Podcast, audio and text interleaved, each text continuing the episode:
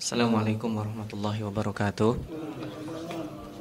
Alhamdulillah Alhamdulillahilladzi anzalal Qur'an Wa faddalana ala sairi khalqihi Bita'limil ilmi wal bayan. Allahumma salli wa sallim wa barik ala sayyidil anam Sayyidina wa maulana Muhammadin Sallallahu alaihi wasallam Wa ala alihi wa ashabihi Wa man tabi'ahu ila yaumiddin amma ba'd. Alhamdulillah pada pagi subuh kesempatan kali ini kita bertemu kembali dalam halaqah tadabur Quran yang insya Allah kita akan melanjutkan pertemuan yang kemarin. Allah Subhanahu wa taala menantang semua manusia, orang-orang kafir di antaranya untuk membuat Al-Qur'an dan itu tidak mungkin terjadi. Maka pada kesempatan kali ini kita akan membahas yang sebaliknya. Allah memberikan kabar gembira bagi orang-orang yang beriman serta nanti uh, ditutup apa yang dilakukan Allah sebagai konsekuensi memberikan ancaman kepada orang-orang yang tadinya meragukan atau bahkan mendustakan.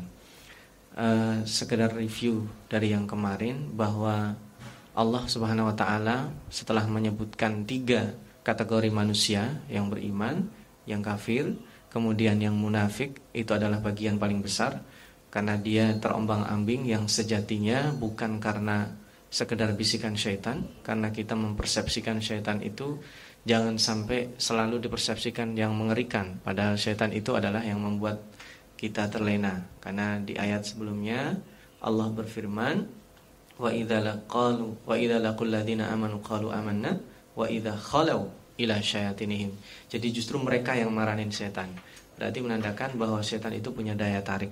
Nah pada kesempatan kali ini kita akan mulai tadabur ayat 25 Insyaallah nanti sampai 29 A'udzubillahi minasyaitonirrajim. Bismillahirrahmanirrahim.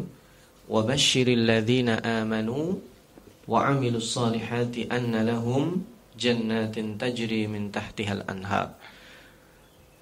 Kasihlah kabar gembira. Ya, Bashir atau al-bisyarah itu adalah kabar yang menyebabkan seseorang gembira itu uh, istiqmal hakiki kata para pakar bahasa. Jadi kalau memberikan kabar biasa saja itu tidak bisa dikatakan al-bisyarah.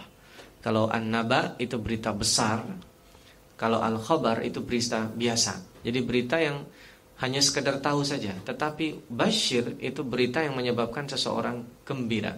Atau sebaliknya bisa juga digunakan untuk kabar yang buruk yang menakutkan. Sesuatu yang di luar prediksi itu juga bisa disebut dengan al-bisyarah, tetapi umumnya dan penggunaan aslinya adalah untuk sesuatu yang yang sangat menggembirakan. Maka di sini basyiril amanu, kasihlah kabar gembira orang-orang yang beriman. Maksudnya apa? Kasihlah kabar gembira orang-orang yang sudah beramal. Di sini karena ada terusannya, bukan hanya cukup beriman, wa amilus solihat dan orang-orang yang berbuat baik. Apa? Annalahum jannat bahwa mereka akan disediakan taman-taman. Jannat itu sekali lagi adalah e, kumpulan dari tumbuh-tumbuhan yang e, rindang. Jadi dalam bahasa Arab itu ada istilah yang serupa disebut dengan hadiqah atau bustan, taman. Jadi kalau di depan rumah kita ada pertamanan itu tidak bisa disebut dengan jannah.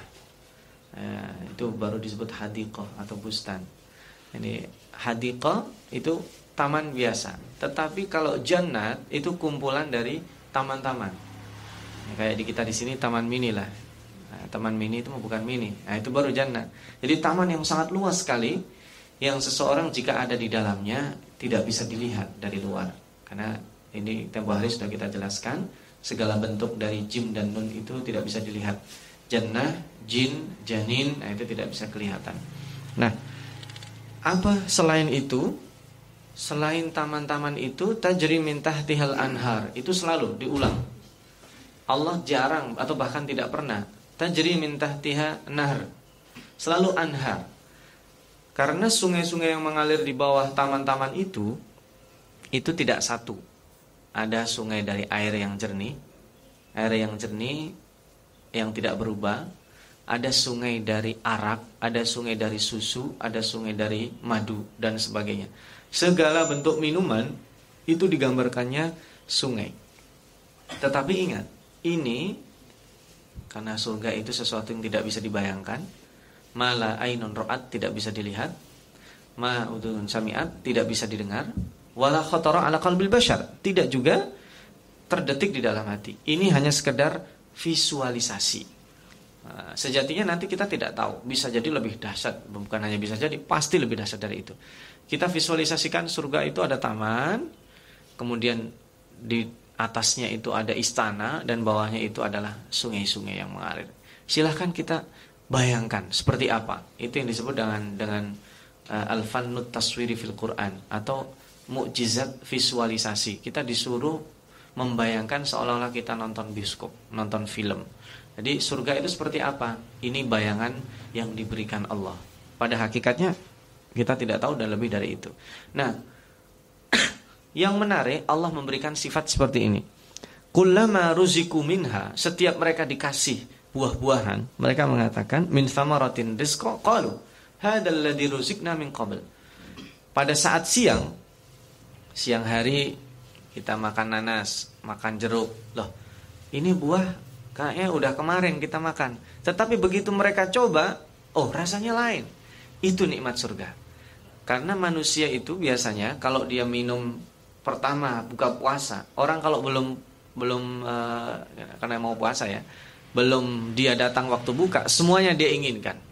Ada kolak ada es ada cendol ada semuanya. Tapi begitu kesentuh yang pertama itu yang lainnya jadi minatnya berkurang. Itu manusiawi. Itu di dunia tetapi surga tidak. Ini kolak yang saya minum kemarin juga tetapi rasanya lain. Kulama ruziku minha min thamaratin rizqan Qalu hadzal ladzi ruzikna min qabl. Sudah ada secara fisik di hari-hari sebelumnya, tetapi rasanya lain. Jadi itu adalah kenikmatan non fisik. Fisiknya sama, tetapi kenikmatan non fisiknya lebih dari itu. Dan itu bisa terjadi di dunia. Orang-orang yang bisa seperti itu adalah orang-orang yang bersyukur. Ya kan? Kita hari ini bekerja masuk kerja yang sama tetapi lebih bersemangat. Itu pada hakikatnya spiritnya penduduk surga. Kita hari ini berinteraksi dengan keluarga kita seolah-olah lain dengan kemarin. Itu spiritnya eh, orang-orang uh, yang beriman dan harusnya seperti itu. Orang-orang yang beriman itu ke depan harinya lebih baik dari sebelumnya. Nah, kalau dia ketika di dunia itu spiritnya seperti itu, Allah ingin memberinya, balasannya juga demikian. Kan nggak adil kalau seandainya sebenarnya adil-adil saja, tetapi Allah menginginkan bahwa kamu sudah berusaha setiap hari memperbaiki hari-harimu. Maka balasannya adalah sekarang diberikan buah-buahan dan semuanya. Di sini thamarat karena judulnya jannah, surga. Nanti di, di ayat lain itu ada wa masakin atau tempat-tempat hunian yang asri. Itu nanti ditambahnya uh, dan lain sebagainya. Nah, wa utubihi mutasyabiha tadi sudah ya dan diberikan yang sama. Walahum fiha azwajun mutahharah ini kalau tafsiran letterleknya seolah-olah surga itu yang dibahas laki-laki saja. Padahal lebih dari itu. Walahum fiha azwaj dan mereka mendapatkan pasangan. Jadi ini kan uh, secara secara arti bahasa azwaj itu adalah pasangan. Jadi tidak ditentukan jenis kelaminnya. Tetapi karena lahum di sini adalah orang-orang yang beriman, tetapi lebih umum itu lebih bagus. Baik yang laki-laki maupun yang beriman, mereka akan mendapatkan balasan yang sama, pasangan yang hidup. yang punya pasangan di dunia ataupun yang tidak, yang punya istri atau yang tidak, yang cerai hidup atau yang cerai mati, semuanya nanti semuanya tidak ada orang yang tidak punya pasangan. Walahum fiha azwaj. Dan kata-kata azwaj itu mahal harganya di dalam Al-Quran. Seseorang dikatakan zauj itu kalau sudah betul-betul adanya keserasian dari semua aspek.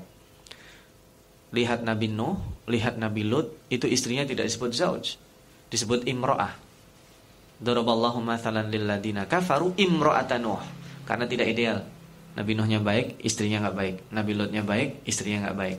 Atau sebaliknya, suaminya nggak baik, istrinya baik, itu juga tidak disebut dengan pasangan, disebut hanya imro'ah. Dua-duanya kalau kita di Quran terjemah itu artinya istri, baik zauj ataupun imro'ah. Tetapi imro'ah Lut, no itu karena tidak ideal dari sisi akhlak. Yang kedua juga demikian. Fir'aun sama istrinya itu tidak sesuai, tidak ada keserasian. Nah, yang menarik itu kalau seandainya lakinya nggak baik, perempuannya nggak baik, itu juga tidak disebut zauj. Karena pasangan yang sama-sama tidak baik secara kasat mata harmonis, tetapi itu bukan pasangan yang ideal. Tabbat yada abi lahab. Nah, itu contohnya ya. Di situ wamra'atuhu hammalatal hatab. Disebut tidak disebut wazaujuhu karena tidak pasangan yang ideal. Tidak ada seorang pun manusia yang mengatakan kalau lakinya nggak bagus, perempuannya nggak bagus, oh itu pasangan yang ideal. Tidak. Bahkan yang menarik, contoh yang sering dibahas itu adalah Nabi Zakaria. Nabi Zakaria baik dalam surat Ali Imran ataupun dalam surat Maryam, ketika dia mengasuh Maryam, terinspirasi ingin punya anak, dikabulkan oleh Allah dia kaget. Qala rabbi anna yakunu li ghulam wamraati akir. Di situ bukan wazauji, tapi wamraati akir, istri. Dan memang suami istri kalau sudah menikah dan belum di, meskipun dua-duanya baik tapi belum diberikan keturunan, itu juga belum belum ideal. Lihat di dalam surat Al-Anbiya ayat 90 kalau tidak salah. Sebelumnya Allah menyebutkan kalau tadi imra'ah di situ wa wahabna lahu ishaq wa as eh, maaf wa wahabna lahu Yahya fastajabna lahu dan mereka diberi dia diberikan keturunan dan Allah berkata di dalam surat Al-Anbiya itu wa aslahna lahu zaujah. Jadi setelah dia punya anak baru disebut ideal. Laki-laki yang baik menikahi perempuan yang baik, punya anak yang baik. Keluarga A, keluarga B, C. Kalau semuanya sudah baik itu disebut dengan rekayasa sosial. Kebaikan akan tersebar di mana-mana. Bahkan kalau itu kan untuk khusus Nabi Zakaria. Untuk Imran tidak disebut ideal juga. Kenapa? Imran pada saat istrinya hamil, idqalat imra'atu Imran. Lah Imran itu disebut imra'ah juga. Padahal istrinya orang baik-baik, punya anak seperti Maryam juga baik-baik, bapaknya juga baik-baik. Tetapi kenapa disebut sebagai imra'ah? Karena Imran sudah meninggal. Hmm. Jadi yang paling ideal sebenarnya seorang suami baik, menikah perempuan yang baik, punya anak baik-baik dan bisa menyebarkan, menebarkan rekayasa kebaikan itu. Itu baru ideal. Tetapi hidup di dunia itu bukan tidak ada, sedikit sekali yang bisa ideal. Makanya tidak dalam kehidupan berumah tangga kita sulit mencari yang ideal. Artinya apa? Dalam kondisi apa pun seseorang bisa berdakwah. Entah kondisinya seperti Nabi Nuh, naudzubillah min dia bisa berdakwah. Kondisinya seperti Nabi Ibrahim, orang tuanya, kendala dari orang tuanya. Nabi Nuh malah lebih parah, istri dan anaknya. Kondisinya seperti Nabi Yusuf, dia terusir, bisa berdakwah. Di penjara, bisa diperdakwah. Ketika jadi orang pihak kerajaan, bisa berdakwah. Dalam semua kondisi apa pun, dan nanti Allah berikan ganjarannya di surga. Walahum fiha azwaj. Saya lebih cenderung uh, memberikan, uh, meskipun uh, jumhur mufassirin mengatakan di sini walahum fiya azwaj itu adalah dan mereka diberikan istri-istri dari bidadari yang uh, suci, mutahharah itu suci secara fisik dan secara non fisik. Secara fisik itu tidak ada orang capek. Suami kalau mau berhubungan dengan istrinya kan tidak selamanya bisa. Kadang datang bulanannya, kadang capek. Di, di surga tidak ada itu istilah itu. Secara fisik tidak ada. Kapan saja mau silahkan. Dan secara non fisik dia itu mutahara, terjaga pendengarannya, penglihatannya, mulutnya tidak ngomong yang macam-macam. Di dunia kan sulit cari seperti itu. Kata Halil Gibran, uh, perempuan yang paling sempurna bagi seorang laki-laki cuma dua. Satu, belum dilahirkan ibunya. Dua, hanya ada di dalam hayalan laki-laki. Eh, jadi nggak ada. Sama juga, laki-laki sempurna bagi perempuan itu juga dua sama. Belum dilahirkan ibunya, dan hanya ada di dalam bayangan seorang perempuan. Di dunia kita kumpulan manusia-manusia terbatas. Tetapi kalau idealismenya seperti tadi, seperti penduduk surga, hari ini harus lebih baik dari hari kemarin. Sholatnya sama, subuhnya sama, dua rakaat juga. Tetapi kualitasnya beda dengan hari kemarin, itu spirit ahli surga. Nanti dibalasnya Allah juga demikian. Maka di sini dikatakan hum fiha khalidun. Meskipun kekekalan itu milik Allah, tetapi Allah janjikan, begitu seseorang masuk surga dan diridhoi, tidak akan keluar lagi. Sampai kapan? Ya nggak ada istilah sampai kapan. Selama-lamanya. Ini. Ini sebenarnya harusnya kita tadaburi pekan lalu. Uh, ini sambungannya. Jadi yang horor selesai, ini sambungannya baru kita pindah tema lain. Nah, tema lainnya itu adalah Allah memberikan permisalan di sini. La yastahi ayyadriba. Allah tidak dalam tanda kutip ya, tidak malu. Nah, ini ini bukan kata-kata sesungguhnya. Karena oh, Allah memang punya malu. Itu malu seandainya pun bahasanya malu, malunya beda dengan kita. Bah, di dalam bahasa Arab sendiri al-haya itu berbeda dengan al-khajal. Al-khajal itu malu yang kurang bagus Sementara haya itu malu yang mendatangkan kebaikan. Tidak semua malu itu bagus, tetapi yang dikatakan al-haya uminal iman bukan al-khajal. Kalau khajal itu malu yang menyebabkan seseorang rendah diri dan tidak berbuat. Tetapi al-haya uminal iman e, Nabi Muhammad SAW bersabda di antara pesan nubuah yang pertama adalah apa? Idza lam tastahi fasna ma Seseorang kalau sudah nggak punya malu, silahkan lakukan apa saja. Karena al-haya itu adalah bagian dari iman. Nah, sementara di sini Allah tidak malu dalam tanda kutip itu lain. Kita tidak bisa membuat visualisasi karena ini adalah Khalik mencipta. Apa itu kontennya? Allah memberikan permisalan ba'udah. Ba'udah itu nyamuk. Kecil dia. Ba'udah. Bahkan dikatakan di sini fama fauqaha Fama fauqaha itu ada dua pendapat. Allah tidak malu memberikan permisalan untuk menunjukkan kekuasaannya itu dengan seekor ba'udah di sini satu ya, seekor nyamuk kecil. Fama fauqaha ada dua pendapat, ada yang mengatakan fama fauqaha atau lebih di atasnya. Di atasnya maksudnya lebih kecil dari itu bisa diterjemahkan atau lebih besar dari itu. Nyamuk lebih gede dari situ nanti lalat, lebih gede dari lalat apa? Mohon maaf kecoak lebih gede lagi. Terus serangga-serangga yang selama ini kita anggap mengganggu. Allah tidak malu itu. Dan kenapa Allah ciptakan itu? Bagi orang beriman dikatakan di sini wa ammalladzina amanu faya'lamun. Kalau orang kafir fa ammalladzina kafaru fayaqulun. Karena orang yang beriman itu nggak perlu ngomong. Begitu mereka tahu mereka udah tunduk. Orang-orang yang beriman Makanya orang-orang kafir itu lihatlah Namrud. Namrud yang mengaku Tuhan, yang dia bicara dalam surat Al-Baqarah nanti di, di juz ketiga, "Qala ana uhyi wa umid."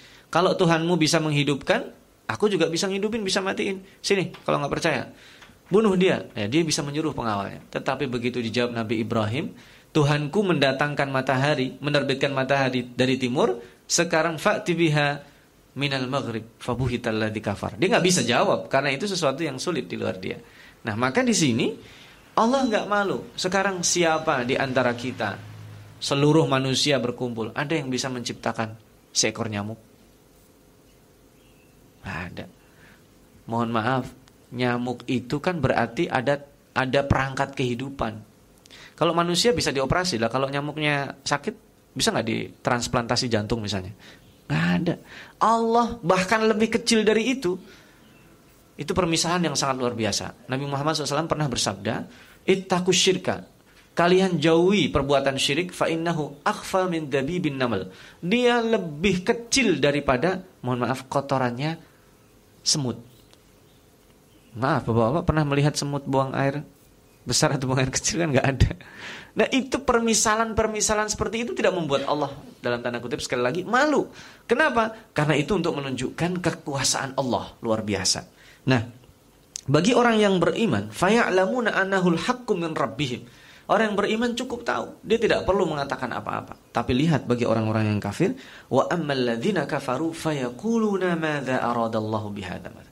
Allah ngapain sih buat nyamuk. Jadi hati-hati kalau kita meskipun guru, ngapain Allah buat nyamuk lagi banyak orang kena DBD, banyak orang malaria, ngapain Allah membuat makhluk seperti ini.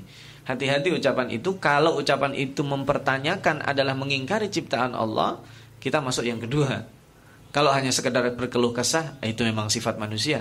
Dikasih musim hujan berkeluh kesah, kapan panasnya dikasih panah berkeluh kesah, kapan hujannya itu sifat manusia. Maka jangan sampai kita bergeser yang berkata mengeluhkan sifat Allah memberikan permisalan nyamuk itu berubah kita menjadi orang yang kedua, yaitu orang yang mempertanyakan apaan Allah menciptakan nyamuk. Maka di sini dikatakan uh, yang menarik setelah mempertanyakan apa kira-kira Allah punya keinginan menciptakan nyamuk, di sini Allah memberikan penekanan yudillu bihi. Allah menyesatkan orang dengan nyamuk itu kathiron, tidak sedikit dan Allah memberi tunjuk, memberi petunjuk dengan sarana itu juga banyak. Kenapa yang didahulukan itu adalah penyesatan, bukan petunjuk karena konteksnya membicarakan orang-orang yang mendustakan. Padahal sebenarnya rahmat Allah itu lebih besar daripada siksaannya. Di sini konteksnya kalau kita berbicara sama orang-orang yang memprotes kita, itu biasanya kita secara manusiawi itu mengeluarkan hal-hal yang bisa menyebabkan orang yakin. Maka di, di sini kalau maafnya yang didahulukan, orang-orang yang berbuat dosa tadi mah nggak berasa. Maka yudillu bihi Allah sesatkan. Dalam artian penyesatan bukan berarti Allah tidak beri petunjuk. Karena Allah sudah buat ya tempo hari kita membicarakan hudan linnas. Dalam syahrul Ramadan adalah diunzila fihil Quran hudan linnas petunjuk bagi manusia. Peta itu sudah disebar sama Allah. Hudan linnas tetapi yang bisa mengambil dan mau mengambil hanya sedikit maka di sini penyesatannya itu adalah nisbahnya bukan Allah yang menghendaki kita sesat tetapi kalau memang itu pilihannya ya Allah kasih kita minta rizki yang halal dikasih tetapi karena kita tidak mau berusaha mencari yang halal, minta yang haram, Allah kasih nggak? Ya kasih aja memilihnya itu. Itu berarti pilihan kita. Yudillu bihi may yudillu bihi katsira. Maka ditutup di sini wa ma yudillu bihi illal. Ditekankan lagi sebenarnya yang Allah sesatkan itu hanya orang-orang fasik. orang fasik adalah orang yang membiasakan diri pada berbuat maksiat. Jadi istilah di dalam Al-Quran itu ada khati, ada fasik, ada zalim, ada mukhti. Kalau mukhti itu orang berbuat salah tetapi tidak sengaja atau dia sengaja tapi diikuti taubat. Zalim juga bisa demikian. Karena dia zalim itu paling banyak disebut di dalam Al-Quran. Tapi kalau disebut itu dua, fasik dan khati. Khati itu berbuat salah dia malu untuk mundur. Enggak ini saya lakukan udah dari sana ya begini. Ditegur nggak mau. Musirun 'alal khata. Dia terus berada dalam kesalahan. Fasik itu orang yang di luar jalur. Ini kalau dalam bahasa Arab kharij anit ta'ah. Dia keluar dari ketaatan. Apa saja kalau judulnya taat, maka kefasikan itu adalah tidak berada dalam trek ketaatan itu. Maka di sini ketika wama yudillu bihi illal fasik. Nyamuk yang tidak seberapa tadi itu bisa menyebabkan seseorang tersesat. Tapi tenang, yang tersesat karena nyamuk itu hanya orang-orang yang fasik. Ya, jadi kalau kita ada nyamuk bukan berarti oh jangan saya tepuk nih. Ini kan yang ada di dalam Al-Qur'an. Bukan, bukan itu maksud saya. Jadi ketika kita melihat nyamuk Masya Allah, nyamuk yang kayak gini nih yang sebentar lagi saya tepuk, jangan lama-lama mikirnya. Itu adalah diciptakan Allah. Dan kita tidak akan tersesat selama kita tracknya itu orang-orang yang bukan maksiat. Tapi kalau kita fasik, maka kita akan termasuk di dalam di sini naudzubillah min. Siapa mereka disebutkan selain yang kafir tadi itu? Alladzina yang kudunal ahda, orang yang menyelisihi janjinya. Allah itu dalam surat Al-A'raf kalau tidak sah ayat 170-an ya, 172 mungkin. Allah wa id akhadha rabbuka min bani adama. Dia Allah mengambil janji min dururihim. Mereka dari sejak ada itu, dari keturunan Bani Adam, itu diberikan janji alastu bi rabbikum. Alastu bi rabbikum. Aku Tuhan kalian kan? Qalu bala syahidna. Jadi dalam Al-A'raf itu Allah menegaskan. Di dalam surat Yasin juga ada ya. Alam a'had ilaikum ya bani adama. Allah ta'budu syaitan. Ini yang kedua. Yang tadi alastu birabbikum itu penguatan. Bukankah aku adalah Tuhan kalian? Di dalam surat Yasin Allah mengatakan di situ Allah ta'budu syaitan. Jangan kalian sembah syaitan. Dan ingat ya, persepsi kita tentang syaitan harus diperbaiki atau paling tidak bukan diperbaiki, kita harus memperjelas setan itu tidak menyeramkan. Setan itu membuat kita terlena. Setan itu membuat kita senang. Karena kalau tidak senang tidak mungkin orang itu berbondong-bondong menuju setan, ya kan? Wa idza laqul ladzina amanu qalu amanna wa idza khalau ila syanatihim. Jadi orang itu yang mendatangi setan, tetapi namanya manusia. Yang sering disalahkan setan. Nah, manusia itu gitu. Kita ini, wah ini gara-gara setan, ini gara-gara setan, ini gara-gara setan. Padahal dia yang mendekati setan sesungguhnya. Dan setan itu didekati kenapa? Karena menarik. Karena membuat orang terlena. Maka di sini alam ahad sudah aku janji, jangan sekali-kali kamu dekati setan. Kenapa? Innahu lakum aduwwun mubin. Dia musuh yang sangat jelas. Nah, ini al-ahad yang sudah dia pada waktu sebelum lahir ditiupkan roh dia udah bilang iya ya Rob nanti saya akan menyembah kamu. Nanti saya akan begini. Tetapi kenyataannya mereka tidak mau. Itu disebut dengan mithaq itu dalam surat al-a'raf. Yang kedua wa yaqta'una ma amarallahu bihi an yusal. Mereka memutuskan dari sesuatu yang diperintahkan Allah untuk disambung. Di sini terjemahkannya silaturahim orang-orang yang memutuskan silaturahim itu sesuatu yang sudah disambungkan Allah memang berat kalau sudah uh, berbicara silaturahim itu kompleks urusannya. Saudara itu kalau dia akrab luar biasa. Tapi begitu bermusuhan, bermusuhannya juga luar biasa. Silaturahim itu. Al-arham itu. Al-arham dikatakan arham karena dalam satu rahim. Yang paling dekat itu saudara kakak atau adik yang satu bapak, satu ibu. Itu paling dekat. Setelah itu yang seibu atau yang sebapak. Setelah itu biasanya sepupu. Setelah itu terus yang induknya sama. Entah itu induk dari laki-laki, dari kakeknya, atau induk dari perempuan dari neneknya. Itu semuanya disuruh kita menyambung. Bahkan mereka yang memutuskan disuruh kita nyambung. Bahkan seandainya kita sudah berbuat baik, mereka enggak disuruh kita bersabar. Nah, ini orang yang sudah baik-baik diputus sama mereka. Makanya uh, silatul arham itu di dalam Al-Quran juga ditegaskan, di dalam hadis juga ditegaskan, silaturahim itu. Kenapa? Karena di situ kita enjoy misalkan menebar kebaikan di luar di luar orbit rahim ini, tetapi kadang kita terlupa orang-orang yang dekat dengan kita. Maka lebih berhak mereka sebenarnya mendapatkan kebaikan-kebaikan yang ingin kita rekayasa bersama. Nah, yang ketiga sifatnya. Sifat yang pertama tadi ya, tidak tepat janji, yang kedua silaturahim, yang ketiga memutus silaturahim, yang ketiga wayufsiduna fil berbuat kerusakan. Kerusakan itu bentuknya fisik dan bentuknya non fisik. Kerusakan fisik itu mengeksplorasi bumi dengan berlebihan sehingga menyebabkan keseimbangan yang tidak ada, membakar hutan, apa, membuat eksplorasi sehingga lingkungannya itu rusak ataupun yang bentuknya non fisik non fisik dengan maksiat dengan berbuat kezaliman. Dan ini haram tu zulma ala nasi kedaliman yang diharamkan Allah itu luas. Maka di sini tiga sifat ini bukan berarti hanya ini. Ini konteksnya adalah tadi Allah tidak memberi petunjuk kepada orang-orang yang meremehkan ciptaan Allah sekecil apa pun dan tidak menyesatkan bahkan Allah pada mereka yaitu orang-orang yang tiga itu tidak menepati janji yang kedua adalah memutuskan silaturahim, yang ketiga berbuat kerusakan di bumi, ulaika humul khasirun. Mereka adalah orang-orang yang rugi. Ini padanannya adalah kemenangan yang kita bahas di uh, pertemuan sebelumnya. Nah, di sini ditutup dengan ayat tantangan dua. Kaifa takfurun? Bagaimana Anda bisa kafir kepada Allah? Tidak beriman kepada Allah. Kenapa? wa kuntum amwata. Ini lihat kita baca bersama ya, saya baca ayatnya. Wa kaifa takfuruna billahi wa kuntum amwata dan kalian dalam kondisi mati fa ahyakum thumma yumitukum thumma yuhyikum thumma ilaihi turja'un. Jadi orang itu pertama kalian itu mati, kemudian dihidupkan, dimatikan, dihidupkan dan dikumpulkan lagi kepada Allah. Kenapa disebutkan demikian? Dan yang pertama itu pakai fa. Kuntum amwata fa ahyakum. Itu sama dengan kun fayakun. Allah sebenarnya sanggup kok menciptakan apa saja seperti sulap, bus gitu, langsung.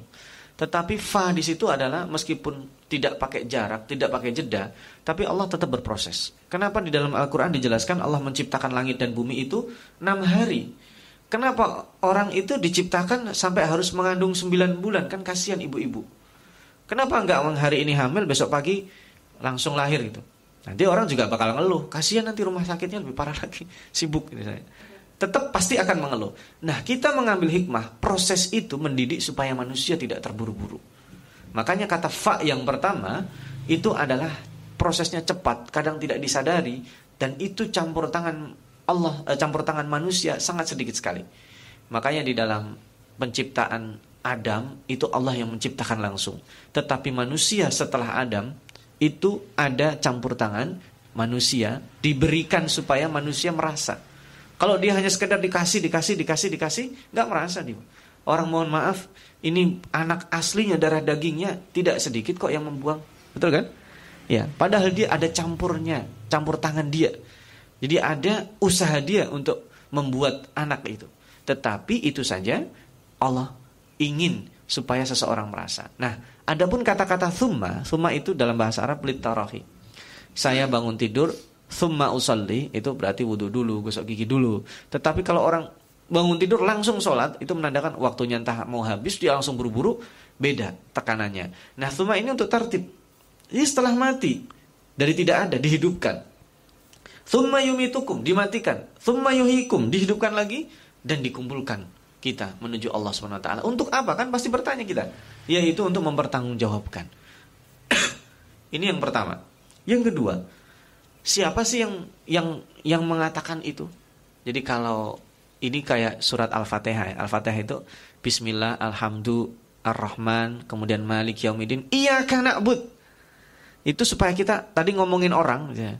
Langsung iya karena abud hanya kepadamu. Ini juga gitu. Orang-orang kafir itu adalah orang-orang yang mendustakan Allah, yang mengatakan apa kehendak Allah menciptakan nyamuk, yaitu orang-orang yang mendus, orang-orang yang ingkar janji, orang-orang yang yang bla bla bla sifatnya tadi. Tapi begitu Allah mengatakan kaifa takfurun, bagaimana Anda bisa kafir? Itu seolah-olah yang disebutkan tadi yang sebelumnya itu orangnya di sini. Sama seperti kalau saya bilang sama mahasiswa saya, mahasiswa yang malas tuh begini begini begini begini begini begini tiba-tiba terakhir kamu yang malas begini ini seolah-olah tadi yang awal disebutkan itu ada di depannya dan itu memang kita disuruh kalau ada ayat-ayat Al-Qur'an Iqra'ul Qur'an kama ka'annahu unzila ilaik. Bacalah Al-Qur'an. Ibnu Mas'ud berpesan demikian. Kalau kita membaca Al-Qur'an seolah-olah kita yang diajak ngomong sama Al-Qur'an. Makanya wa kaifa takfurun bagaimana mungkin kita kafir. Nah, baru kemudian dialihkan lagi.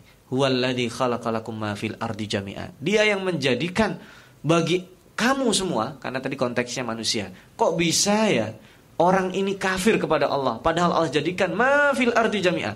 Semua yang di bumi itu untuk manusia. Binatang untuk manusia, sebagian dimakan, sebagian untuk manfaat yang lain. Tumbuh-tumbuhan untuk manusia, untuk obat, untuk buah, untuk sayur, semuanya untuk manusia. Yang dihasilkan dari tambang untuk manusia juga. Tidak ada semuanya yang ada di bumi kecuali untuk manusia. Manusia juga makan di laut ada yang dimakan sama dia, di sungai dimakan juga, di empang dimakan juga. Semuanya untuk manusia, bahkan yang terbang, burung dimakan juga sama dia dan boleh. Itu semuanya kenapa bisa kalian itu kafir? Ini kalau konteksnya bersyukur ya. Ditambah lagi sama Allah di sini thummastawa ila sama. Allah itu kan sebelumnya menciptakan bumi, kemudian ke langit. Jadi sawa as-sama itu artinya menciptakan langit dengan bagus kokoh. Dalam surat Ar-Ra'd itu di, dijelaskan bi ghairi amadin tarawnaha. Jadi langit itu diciptakan Allah tanpa tiang. Meskipun prakteknya bumi itu bukan bukan satu-satunya hamparan. Kalau para fisikawan mengatakan di dunia ini dipenuhi dengan planet-planet dan bintang-bintang yang kita tidak tahu jumlahnya. Sedangkan langit itu juga wujudnya tidak kelihatan tapi ada. Yang kita lihat itu adalah batas tertinggi kemampuan manusia melihat. Itu bukan langit. Nah, luasnya ini supaya kita tahu bahwa kita dihidupkan di bumi semua untuk kita. Langit diciptakan Allah, itu semuanya juga untuk kita dan ujungnya nanti coba lihat. Wahwa bikulli syai'in alim. Jadi seluas yang tadi itu Allah yang tahu. Wa huwa bikulli syai'in alim. Allah yang memberikan kita ilmu bahwa Allah adalah zat atau cipta apa pencipta yang tidak ada batasnya.